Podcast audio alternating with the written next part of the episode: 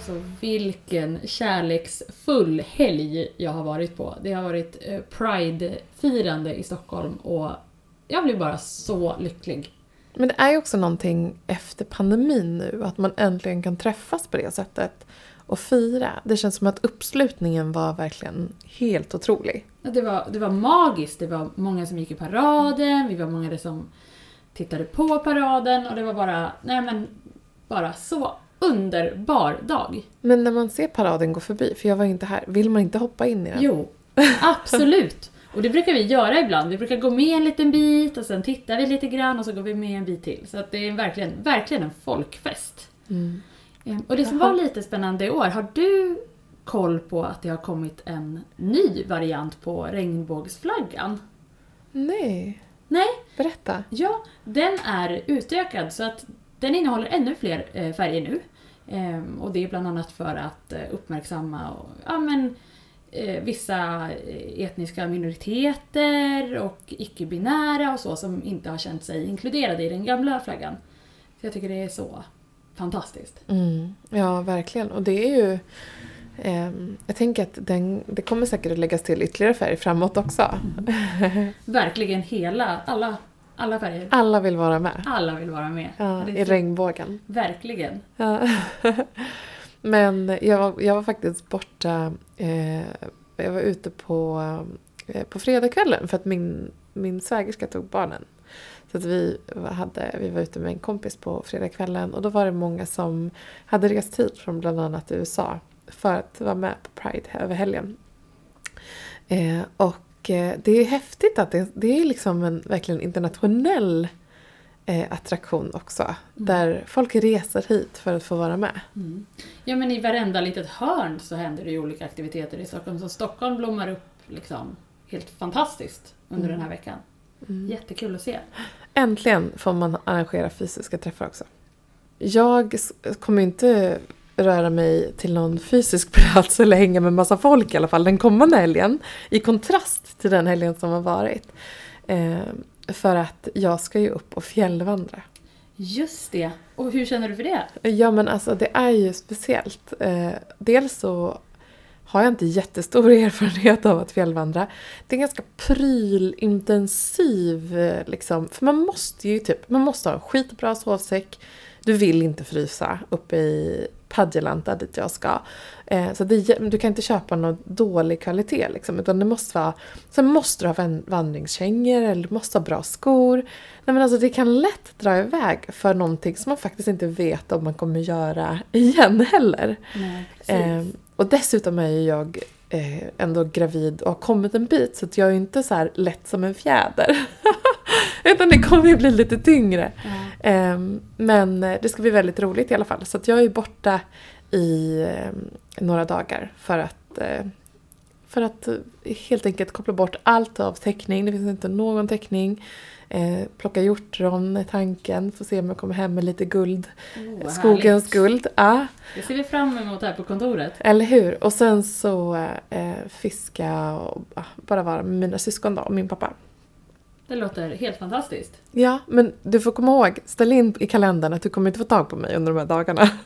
Så Vi- tro inte att jag har vippat. Nej, jag försöker, vi försöker hålla ställningen här på kontoret. Ja, eh, så det är ju det är också härligt. Det är härligt ändå att komma upp i naturen så här i den här säsongen. Alltså innan, innan det blir för kallt.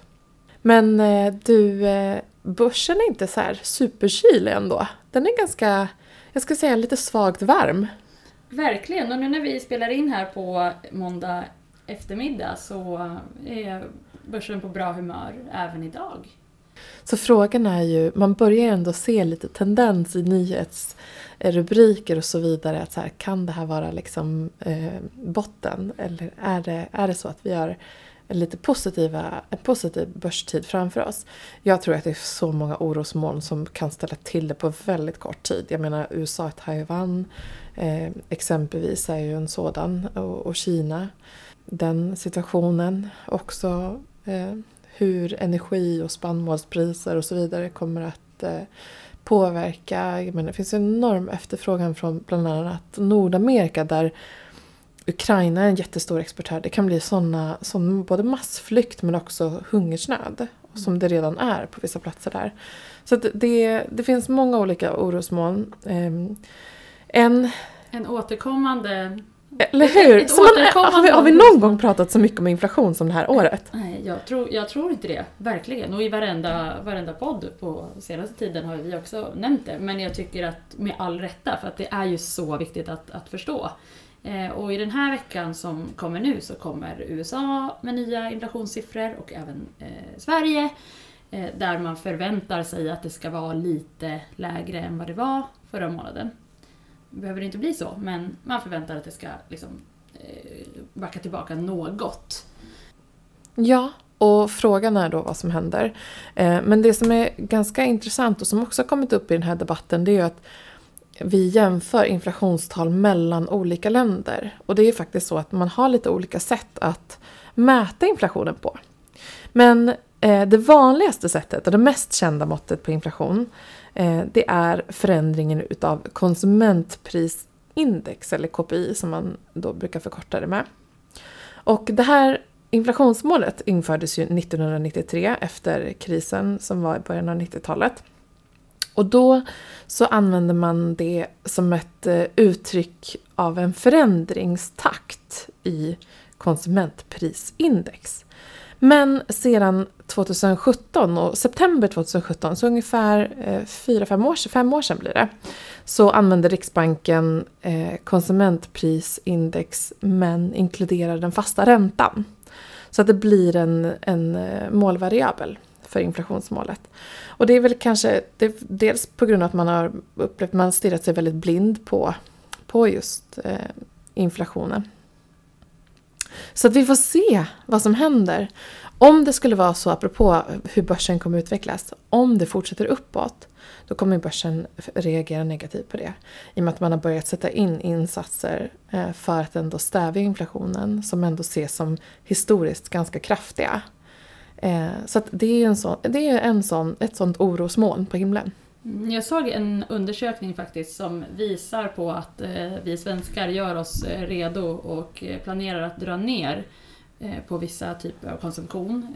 Restaurangbesök, resor och nu även inköp av kläder. Så att ja, vi, vi räknar med att, att det blir en tung höst helt enkelt som det verkar. Ja, men jag också känner ändå att jag ser över eh, min ekonomi och funderar mer på det än vad jag gjort på länge. Så att eh, det känns eh, helt naturligt. Jag kan känna igen mig i det. Mm. Också utifrån hållbarhetsskäl, att man kanske inte vill handla lika mycket eh, kläder exempelvis. Och där är vi faktiskt inne på lite temat för veckans podd. Ja, precis.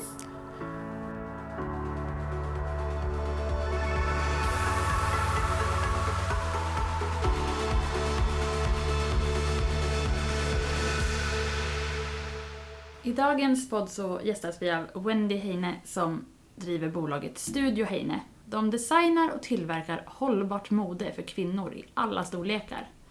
Och de riktar sig främst till medvetna kvinnor som tycker att kvalitet och passform är viktigt, precis som hur kläderna är producerade. Wendy, som ursprungligen kommer ifrån Nederländerna, har studerat mode och jobbat några, eh, för några av de största svenska modehusen. Varmt välkommen Wendy till Feminvest-podden. Tack så mycket. Håller du med om min introduktion? Ja, det var väldigt bra sagt tycker jag. Kul att du tog in det också, det hållbara aspekten, för det är väldigt viktigt. Men självklart passformen som, eh, ja, kommer vi säkert prata om lite mer, men eh, det är en av de pe- pelaren i, eh, på läget. Alltså du skräddarsyr ju plaggen egentligen efter, efter hur ja, ens kropp är. Det är konstigt att vi har standardiserat det så mycket. Ja men eller hur, ja, men jag, jag håller med. Om man tänker efter är det egentligen helt galet att hela systemet är baserat på, på standardstorlekar som är någon slags av snitt av hur, hur kvinnorna ser ut. Mm. Men det finns inga kvinnor som är snitt, ska man säga, som har snittkroppar eller snitt, ja, snittlängden är 1,68 så det finns väl några kvinnor som är den längden självklart men jag menar det finns inte många som, som passar i den här eh, mallen som bara har skapats för att kunna massproducera, för att kunna billiga, ja, billiga plagg. Jag tror aldrig jag har lyckats eh, köpa en skjorta som sitter sådär riktigt helt perfekt på mig, någonsin faktiskt. Nej, och då vill jag också gärna fråga hur det är med jeans. Mm. För det kan också vara en sån där skjortor, jeans, alltså det många som har utmaning med att hitta det som sitter bra. Mm. Det finns ju liksom lite spännande trender inom det här området där ändå man som konsument ställer högre krav och blir mer medveten. Eh, och du sniffade ju upp den här trenden ganska tidigt ändå måste jag säga. Långt innan det Ja. började pratas om det liksom i tidningar och press och sådär. Lite för tidigt kanske. Ja, det är så. Kan inte du eh, liksom berätta om vart du kommer ifrån? Du kommer ifrån Nederländerna då. Eh, och ja, men din karriär. Ja, alltså nu har jag faktiskt bott i Sverige nästan lika länge som i Nederländerna kom jag fram till i morse. Eh, men jag flyttade hit 2003 för då blev jag rekryterad till, jag hade precis avslutat min, eh, min konstskola, modedesign har jag pluggat i Holland och jag var klar med den och sen blev jag rekryterad till H&M här i Sverige och jag ville jättegärna se andra länder och flytta från Holland så jag tog verkligen den, den chansen. Och, um, så där har jag egentligen gjort min, eh, min karriär. Började från början designassistent, eh, fått mer ansvar, blev produktdesigner, alltså man, man klättrar där inom det stora bolaget. Och uh, jobbat även med rekrytering där en del. Um, ja, det har jag gjort länge. Um, tills ungefär 2015 har jag eh, varit mest där. Så egentligen, Skulle du säga att Sverige ses på som en marknad dit man vill åka om man jobbar med mode och design? Eller hur, vad, hur, hur ses vi på i, liksom, från ett globalt perspektiv? ja, men, men då 2003, då var kanske inte Skandinavien så hett eh, in och så internationellt ännu som det, som det är nu. Då var det verkligen de klassiska, och som från min skola, det var också där, man skulle till Paris eller till London och sådär. Milano?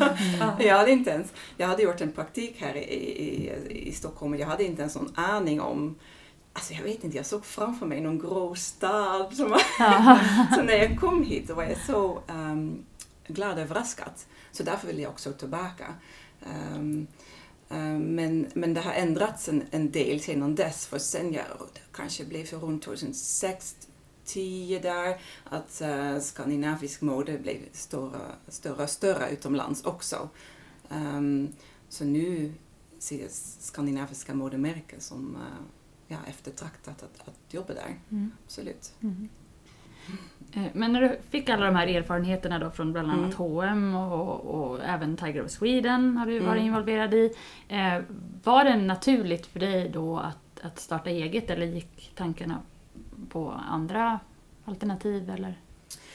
Alltså både ja och nej. För egentligen nej eftersom jag hade ingen människa runt omkring mig som drev, drev eget. Jag hade inga entreprenörer runt omkring mig.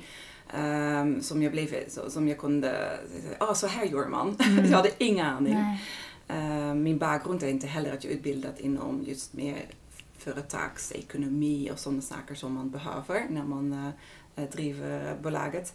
Ehm, Men ehm, samtidigt, och ja, min nätverk var egentligen bara min H&M-kollegor. Jag har inte ens tänkt att bygga nätverk och sådana saker hade inte ens börjat tänka på.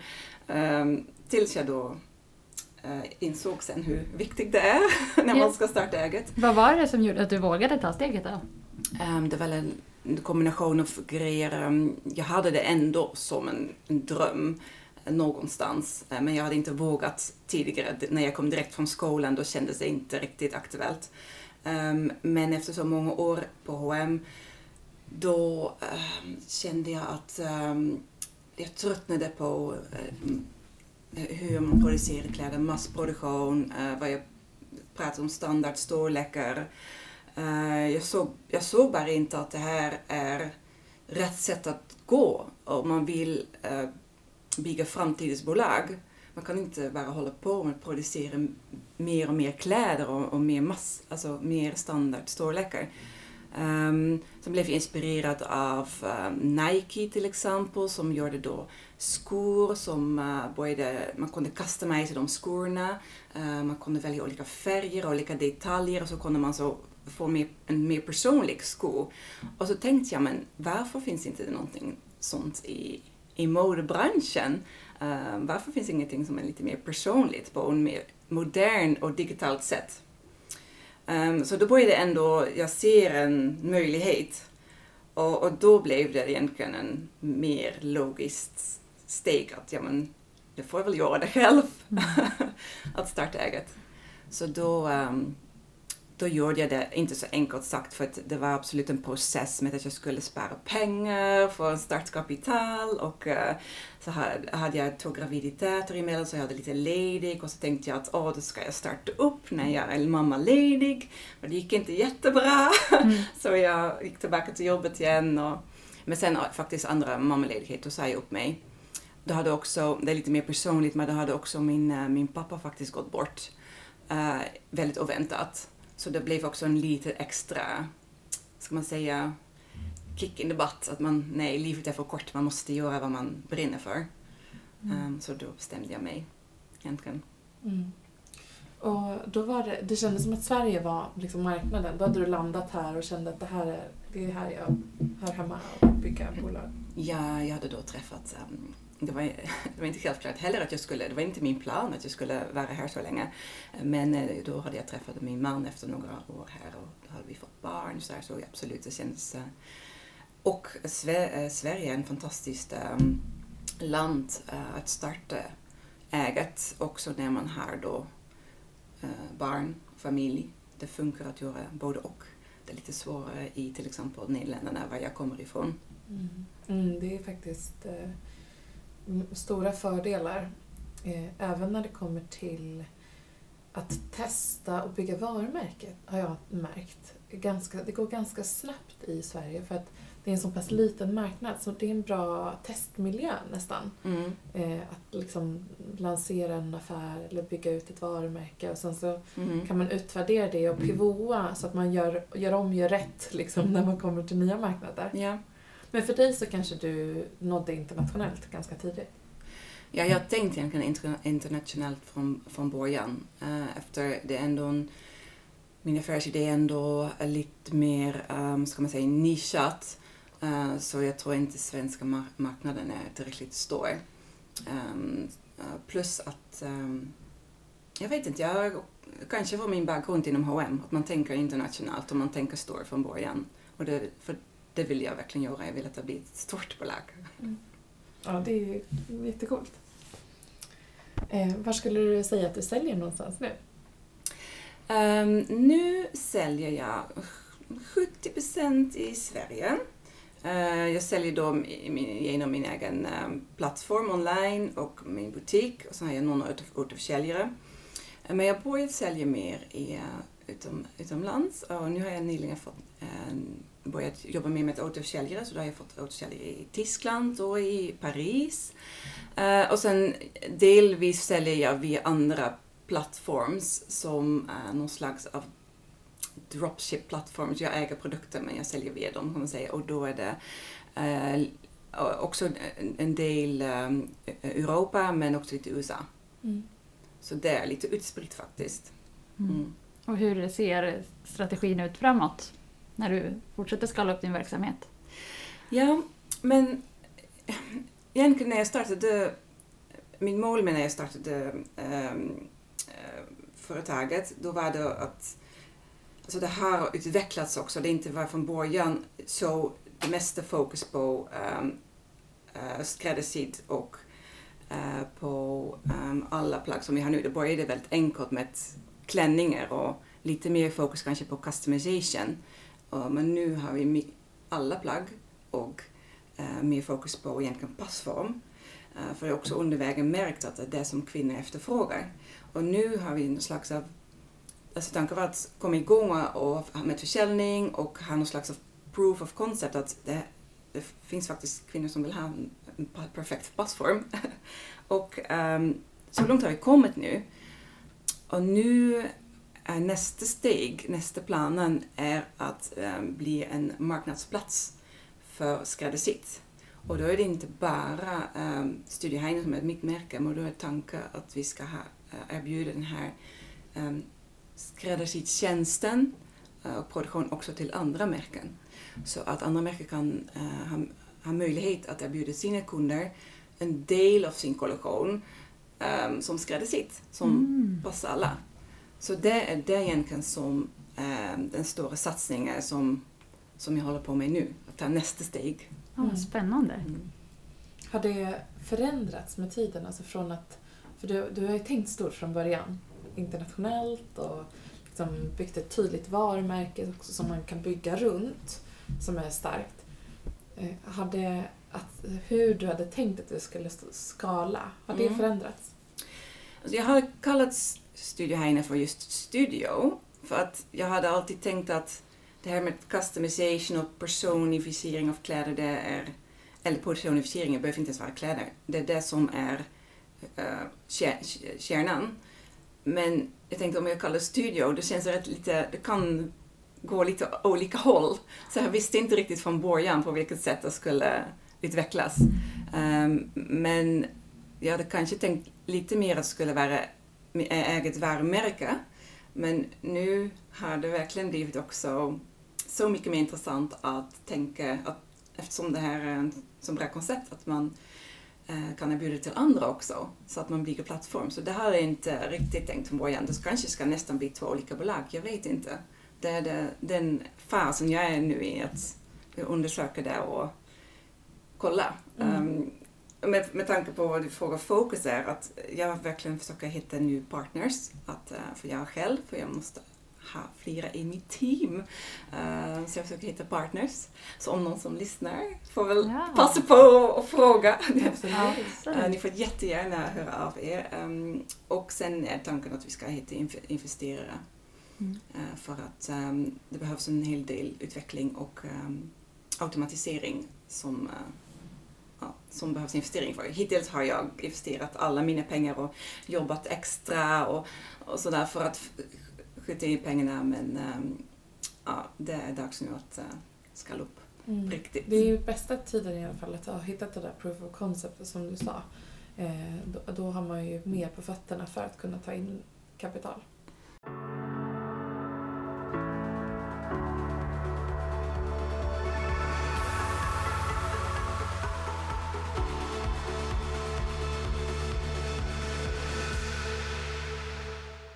Jag tycker det är så härligt att se också hur passionerad du är.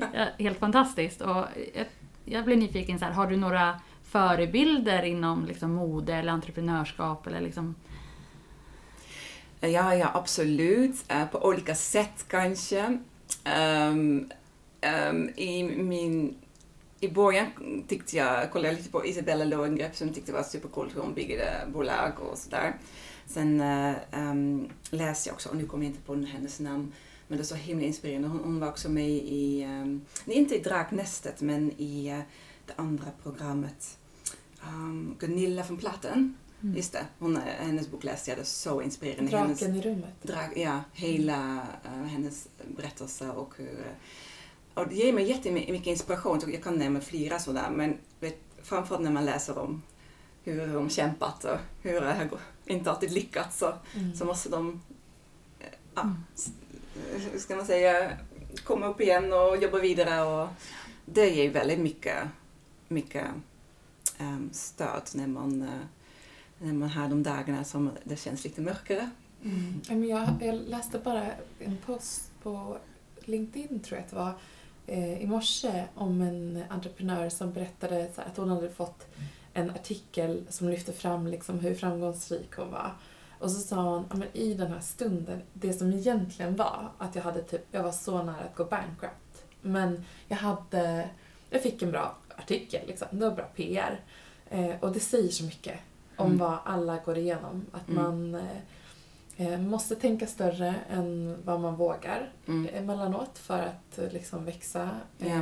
Men också har man talang och jobbar hårt så, så finns det så mycket förutsättningar för att lyckas tror jag. Mm. Som du säger att eh, både de två personerna du nämnde är ju både hårt arbetande men har också sina talanger när det Ja. kommer till försäljning och marknadsföring och så vidare, kommunikation. Ja. Eh, och det har de ju verkligen nyttjat. Men eh, det, det är spännande höra om dina planer framåt också. Vad, liksom, vad som, vill du öppna flera butiker eller? Uh, ja, men uh, det, det stora planen är att skapa den här digitala eller, eller marknadsplatsen. Så det, det, blir mest digitalt och, och då tänker jag bjuda in andra uh, varumärken som till exempel uh, Filippa K eller premiumvarumärken som, som, som ja, som jag sa tidigare kan erbjuda en del av sin kollektion där. Så det är stor fokus.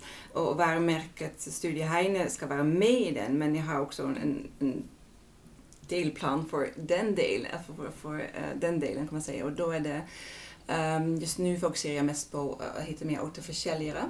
Så att kunna skala upp lite snabbare. Eh, jag har jobbat mest business to customer uh, hittills och det har varit jättebra men det är också väldigt, väldigt svårt. Uh, och uh, nu är jag lite, den fokus behåller jag men sen försöker jag få in lite mer återförsäljare, alltså också att bli globalt och etc. Så jag ska vara på mässan till exempel. Och, um, angående butiken, jag har den lilla butiken på Kammarkagatan. Um, jag håller på med det, är, alltså det är långa processer. Uh, men absolut, jag har alltid uh, någonstans där att min plan är att jag vill öppna en uh, shop-in-shop på NK eller Åhléns. Det, det, skulle vara perfekt. Så det jobbar jag också på. Man jobbar alltid med massa saker samtidigt. Och, mm. uh, ja, det nätverket som, som, som jag har som utmaning som hela tiden Ehm, som man hela tiden ehm, jobbar på. Mm. Ni fokuserar ju väldigt mycket på hållbarhet och mm. vart kläderna produceras och sådär. Eh, vad ser du liksom i modebranschen generellt är för, vad det finns för utmaningar? Eh. Ja, och det är en väldigt bra fråga. Alltså, hela del av konceptet är verkligen baserat på just um, hållbarhetsfrågor. För um, största, alltså, de flesta kläder blir massproducerade. Uh, största problemet med det är att man överproducerar så himla mycket kläder. Eh, det är ungefär 45 biljoner kläder som varje år bara hamnar på outlets eller ännu värre på soptippar eh, som bara slängs. Och det är på att man, man producerar för mycket som ingen vill ha. Plus att egentligen modebranschen också har um, stripit sig själv. Um, för de har börjat producera flera, flera kollektioner snabbare och snabbare.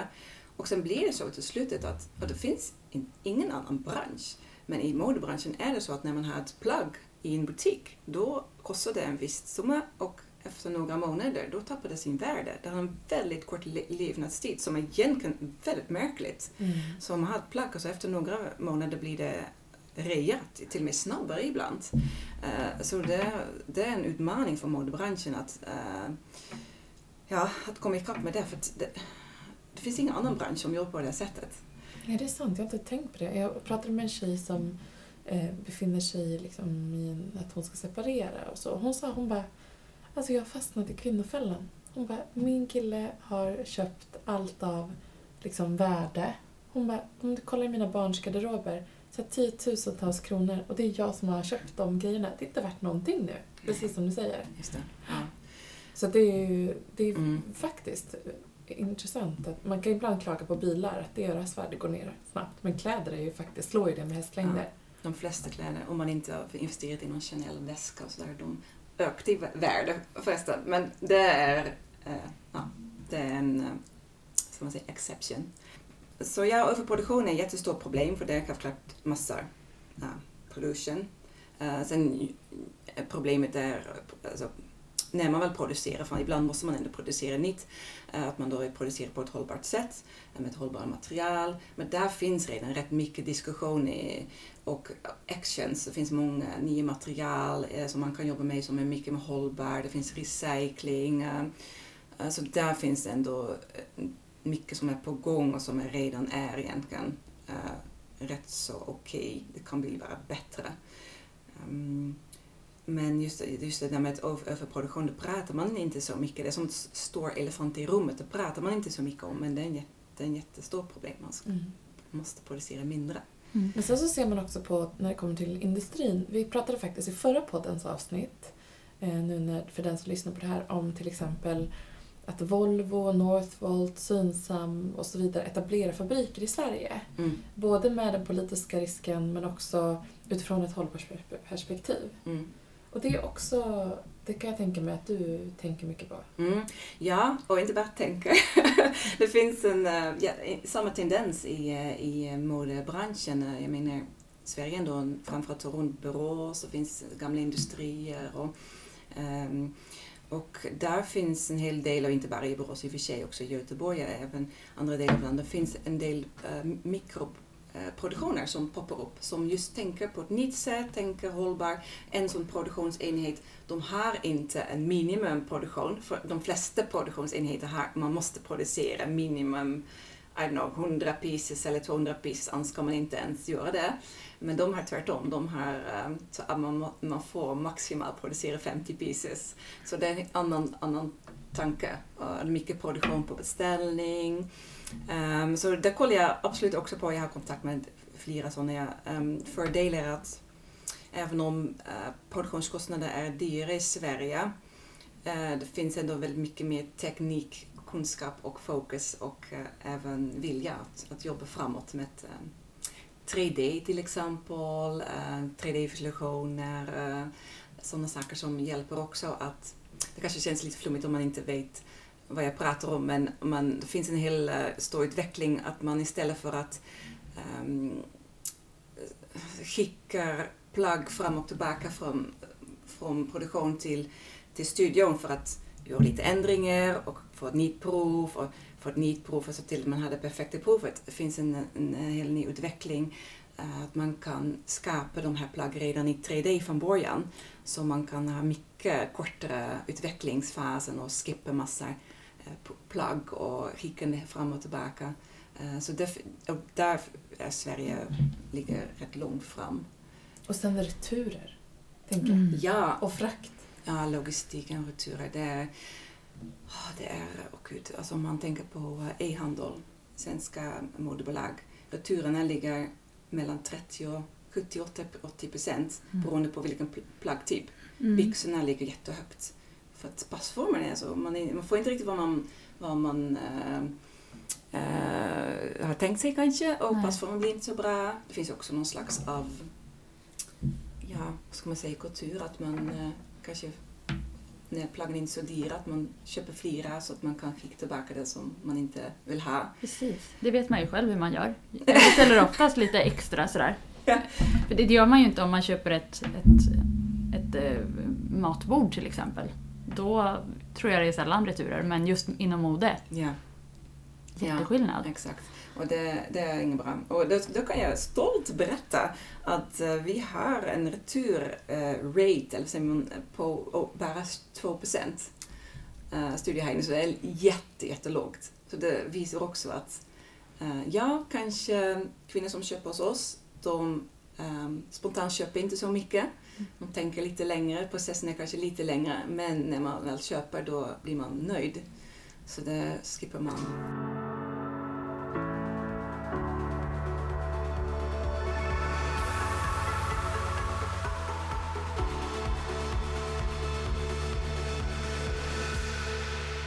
Men hur och, eh, hur och var eh, producerar du?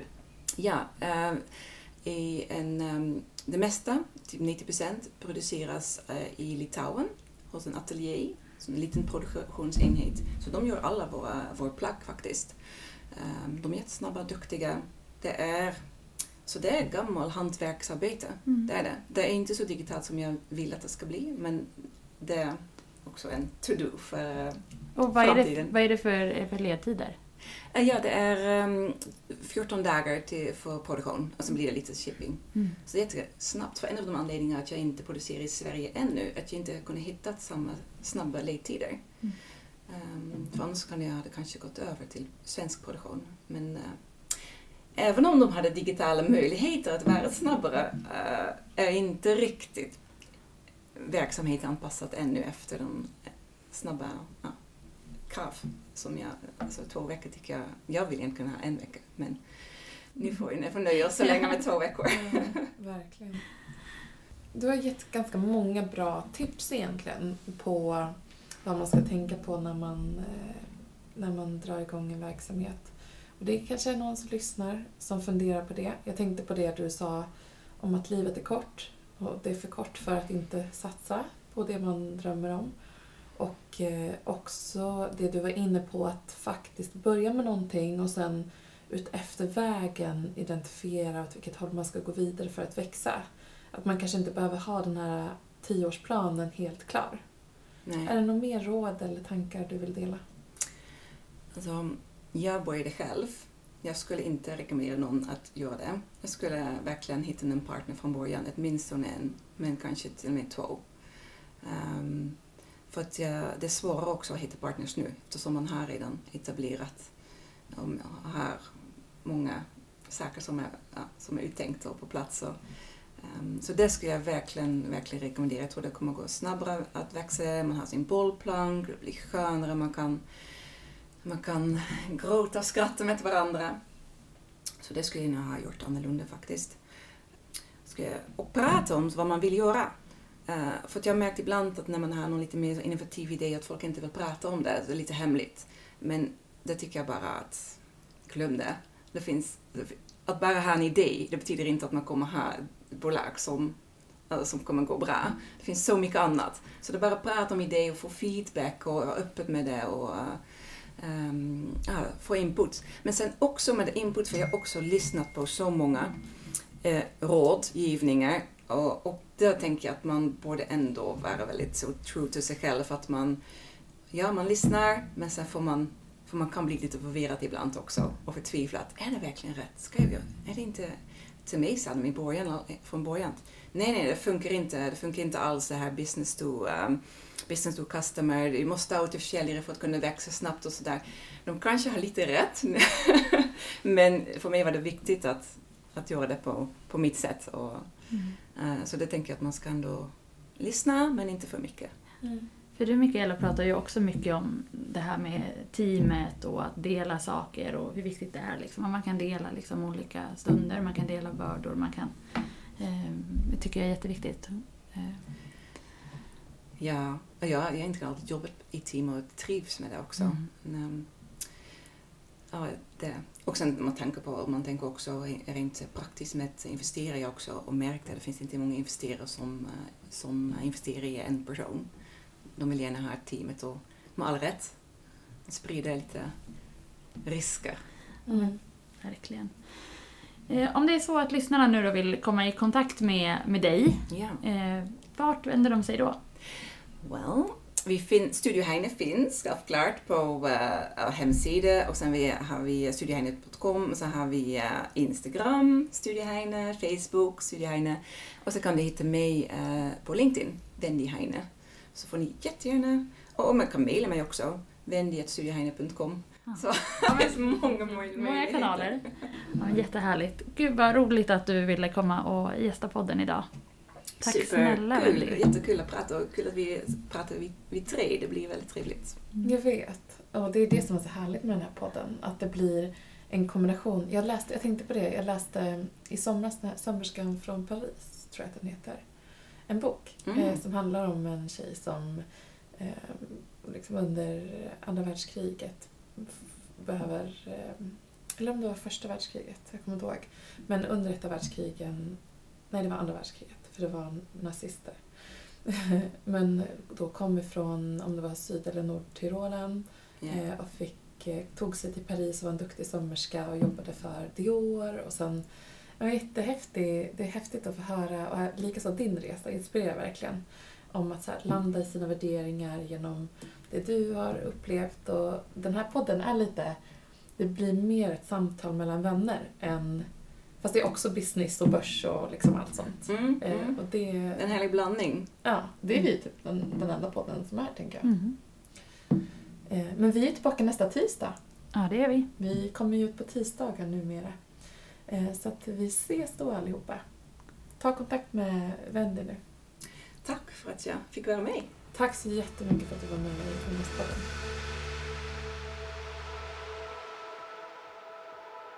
Feminvest är Sveriges största investeringsnätverk för tjejer. Vi vill att allt fler ska våga äga och förvalta. Och hur gör vi då detta? Jo, vi vill inspirera, utbilda och utmana runt ägande, investeringar och entreprenörskap. Följ Feminvest på våra kanaler Facebook, Instagram, Youtube varje vecka så kommer vi även ut med en podd och du kan ju självklart även följa nyheterna som publiceras på feminvest.nu. Det är bara att söka på Feminvest på samtliga kanaler så hittar du till oss.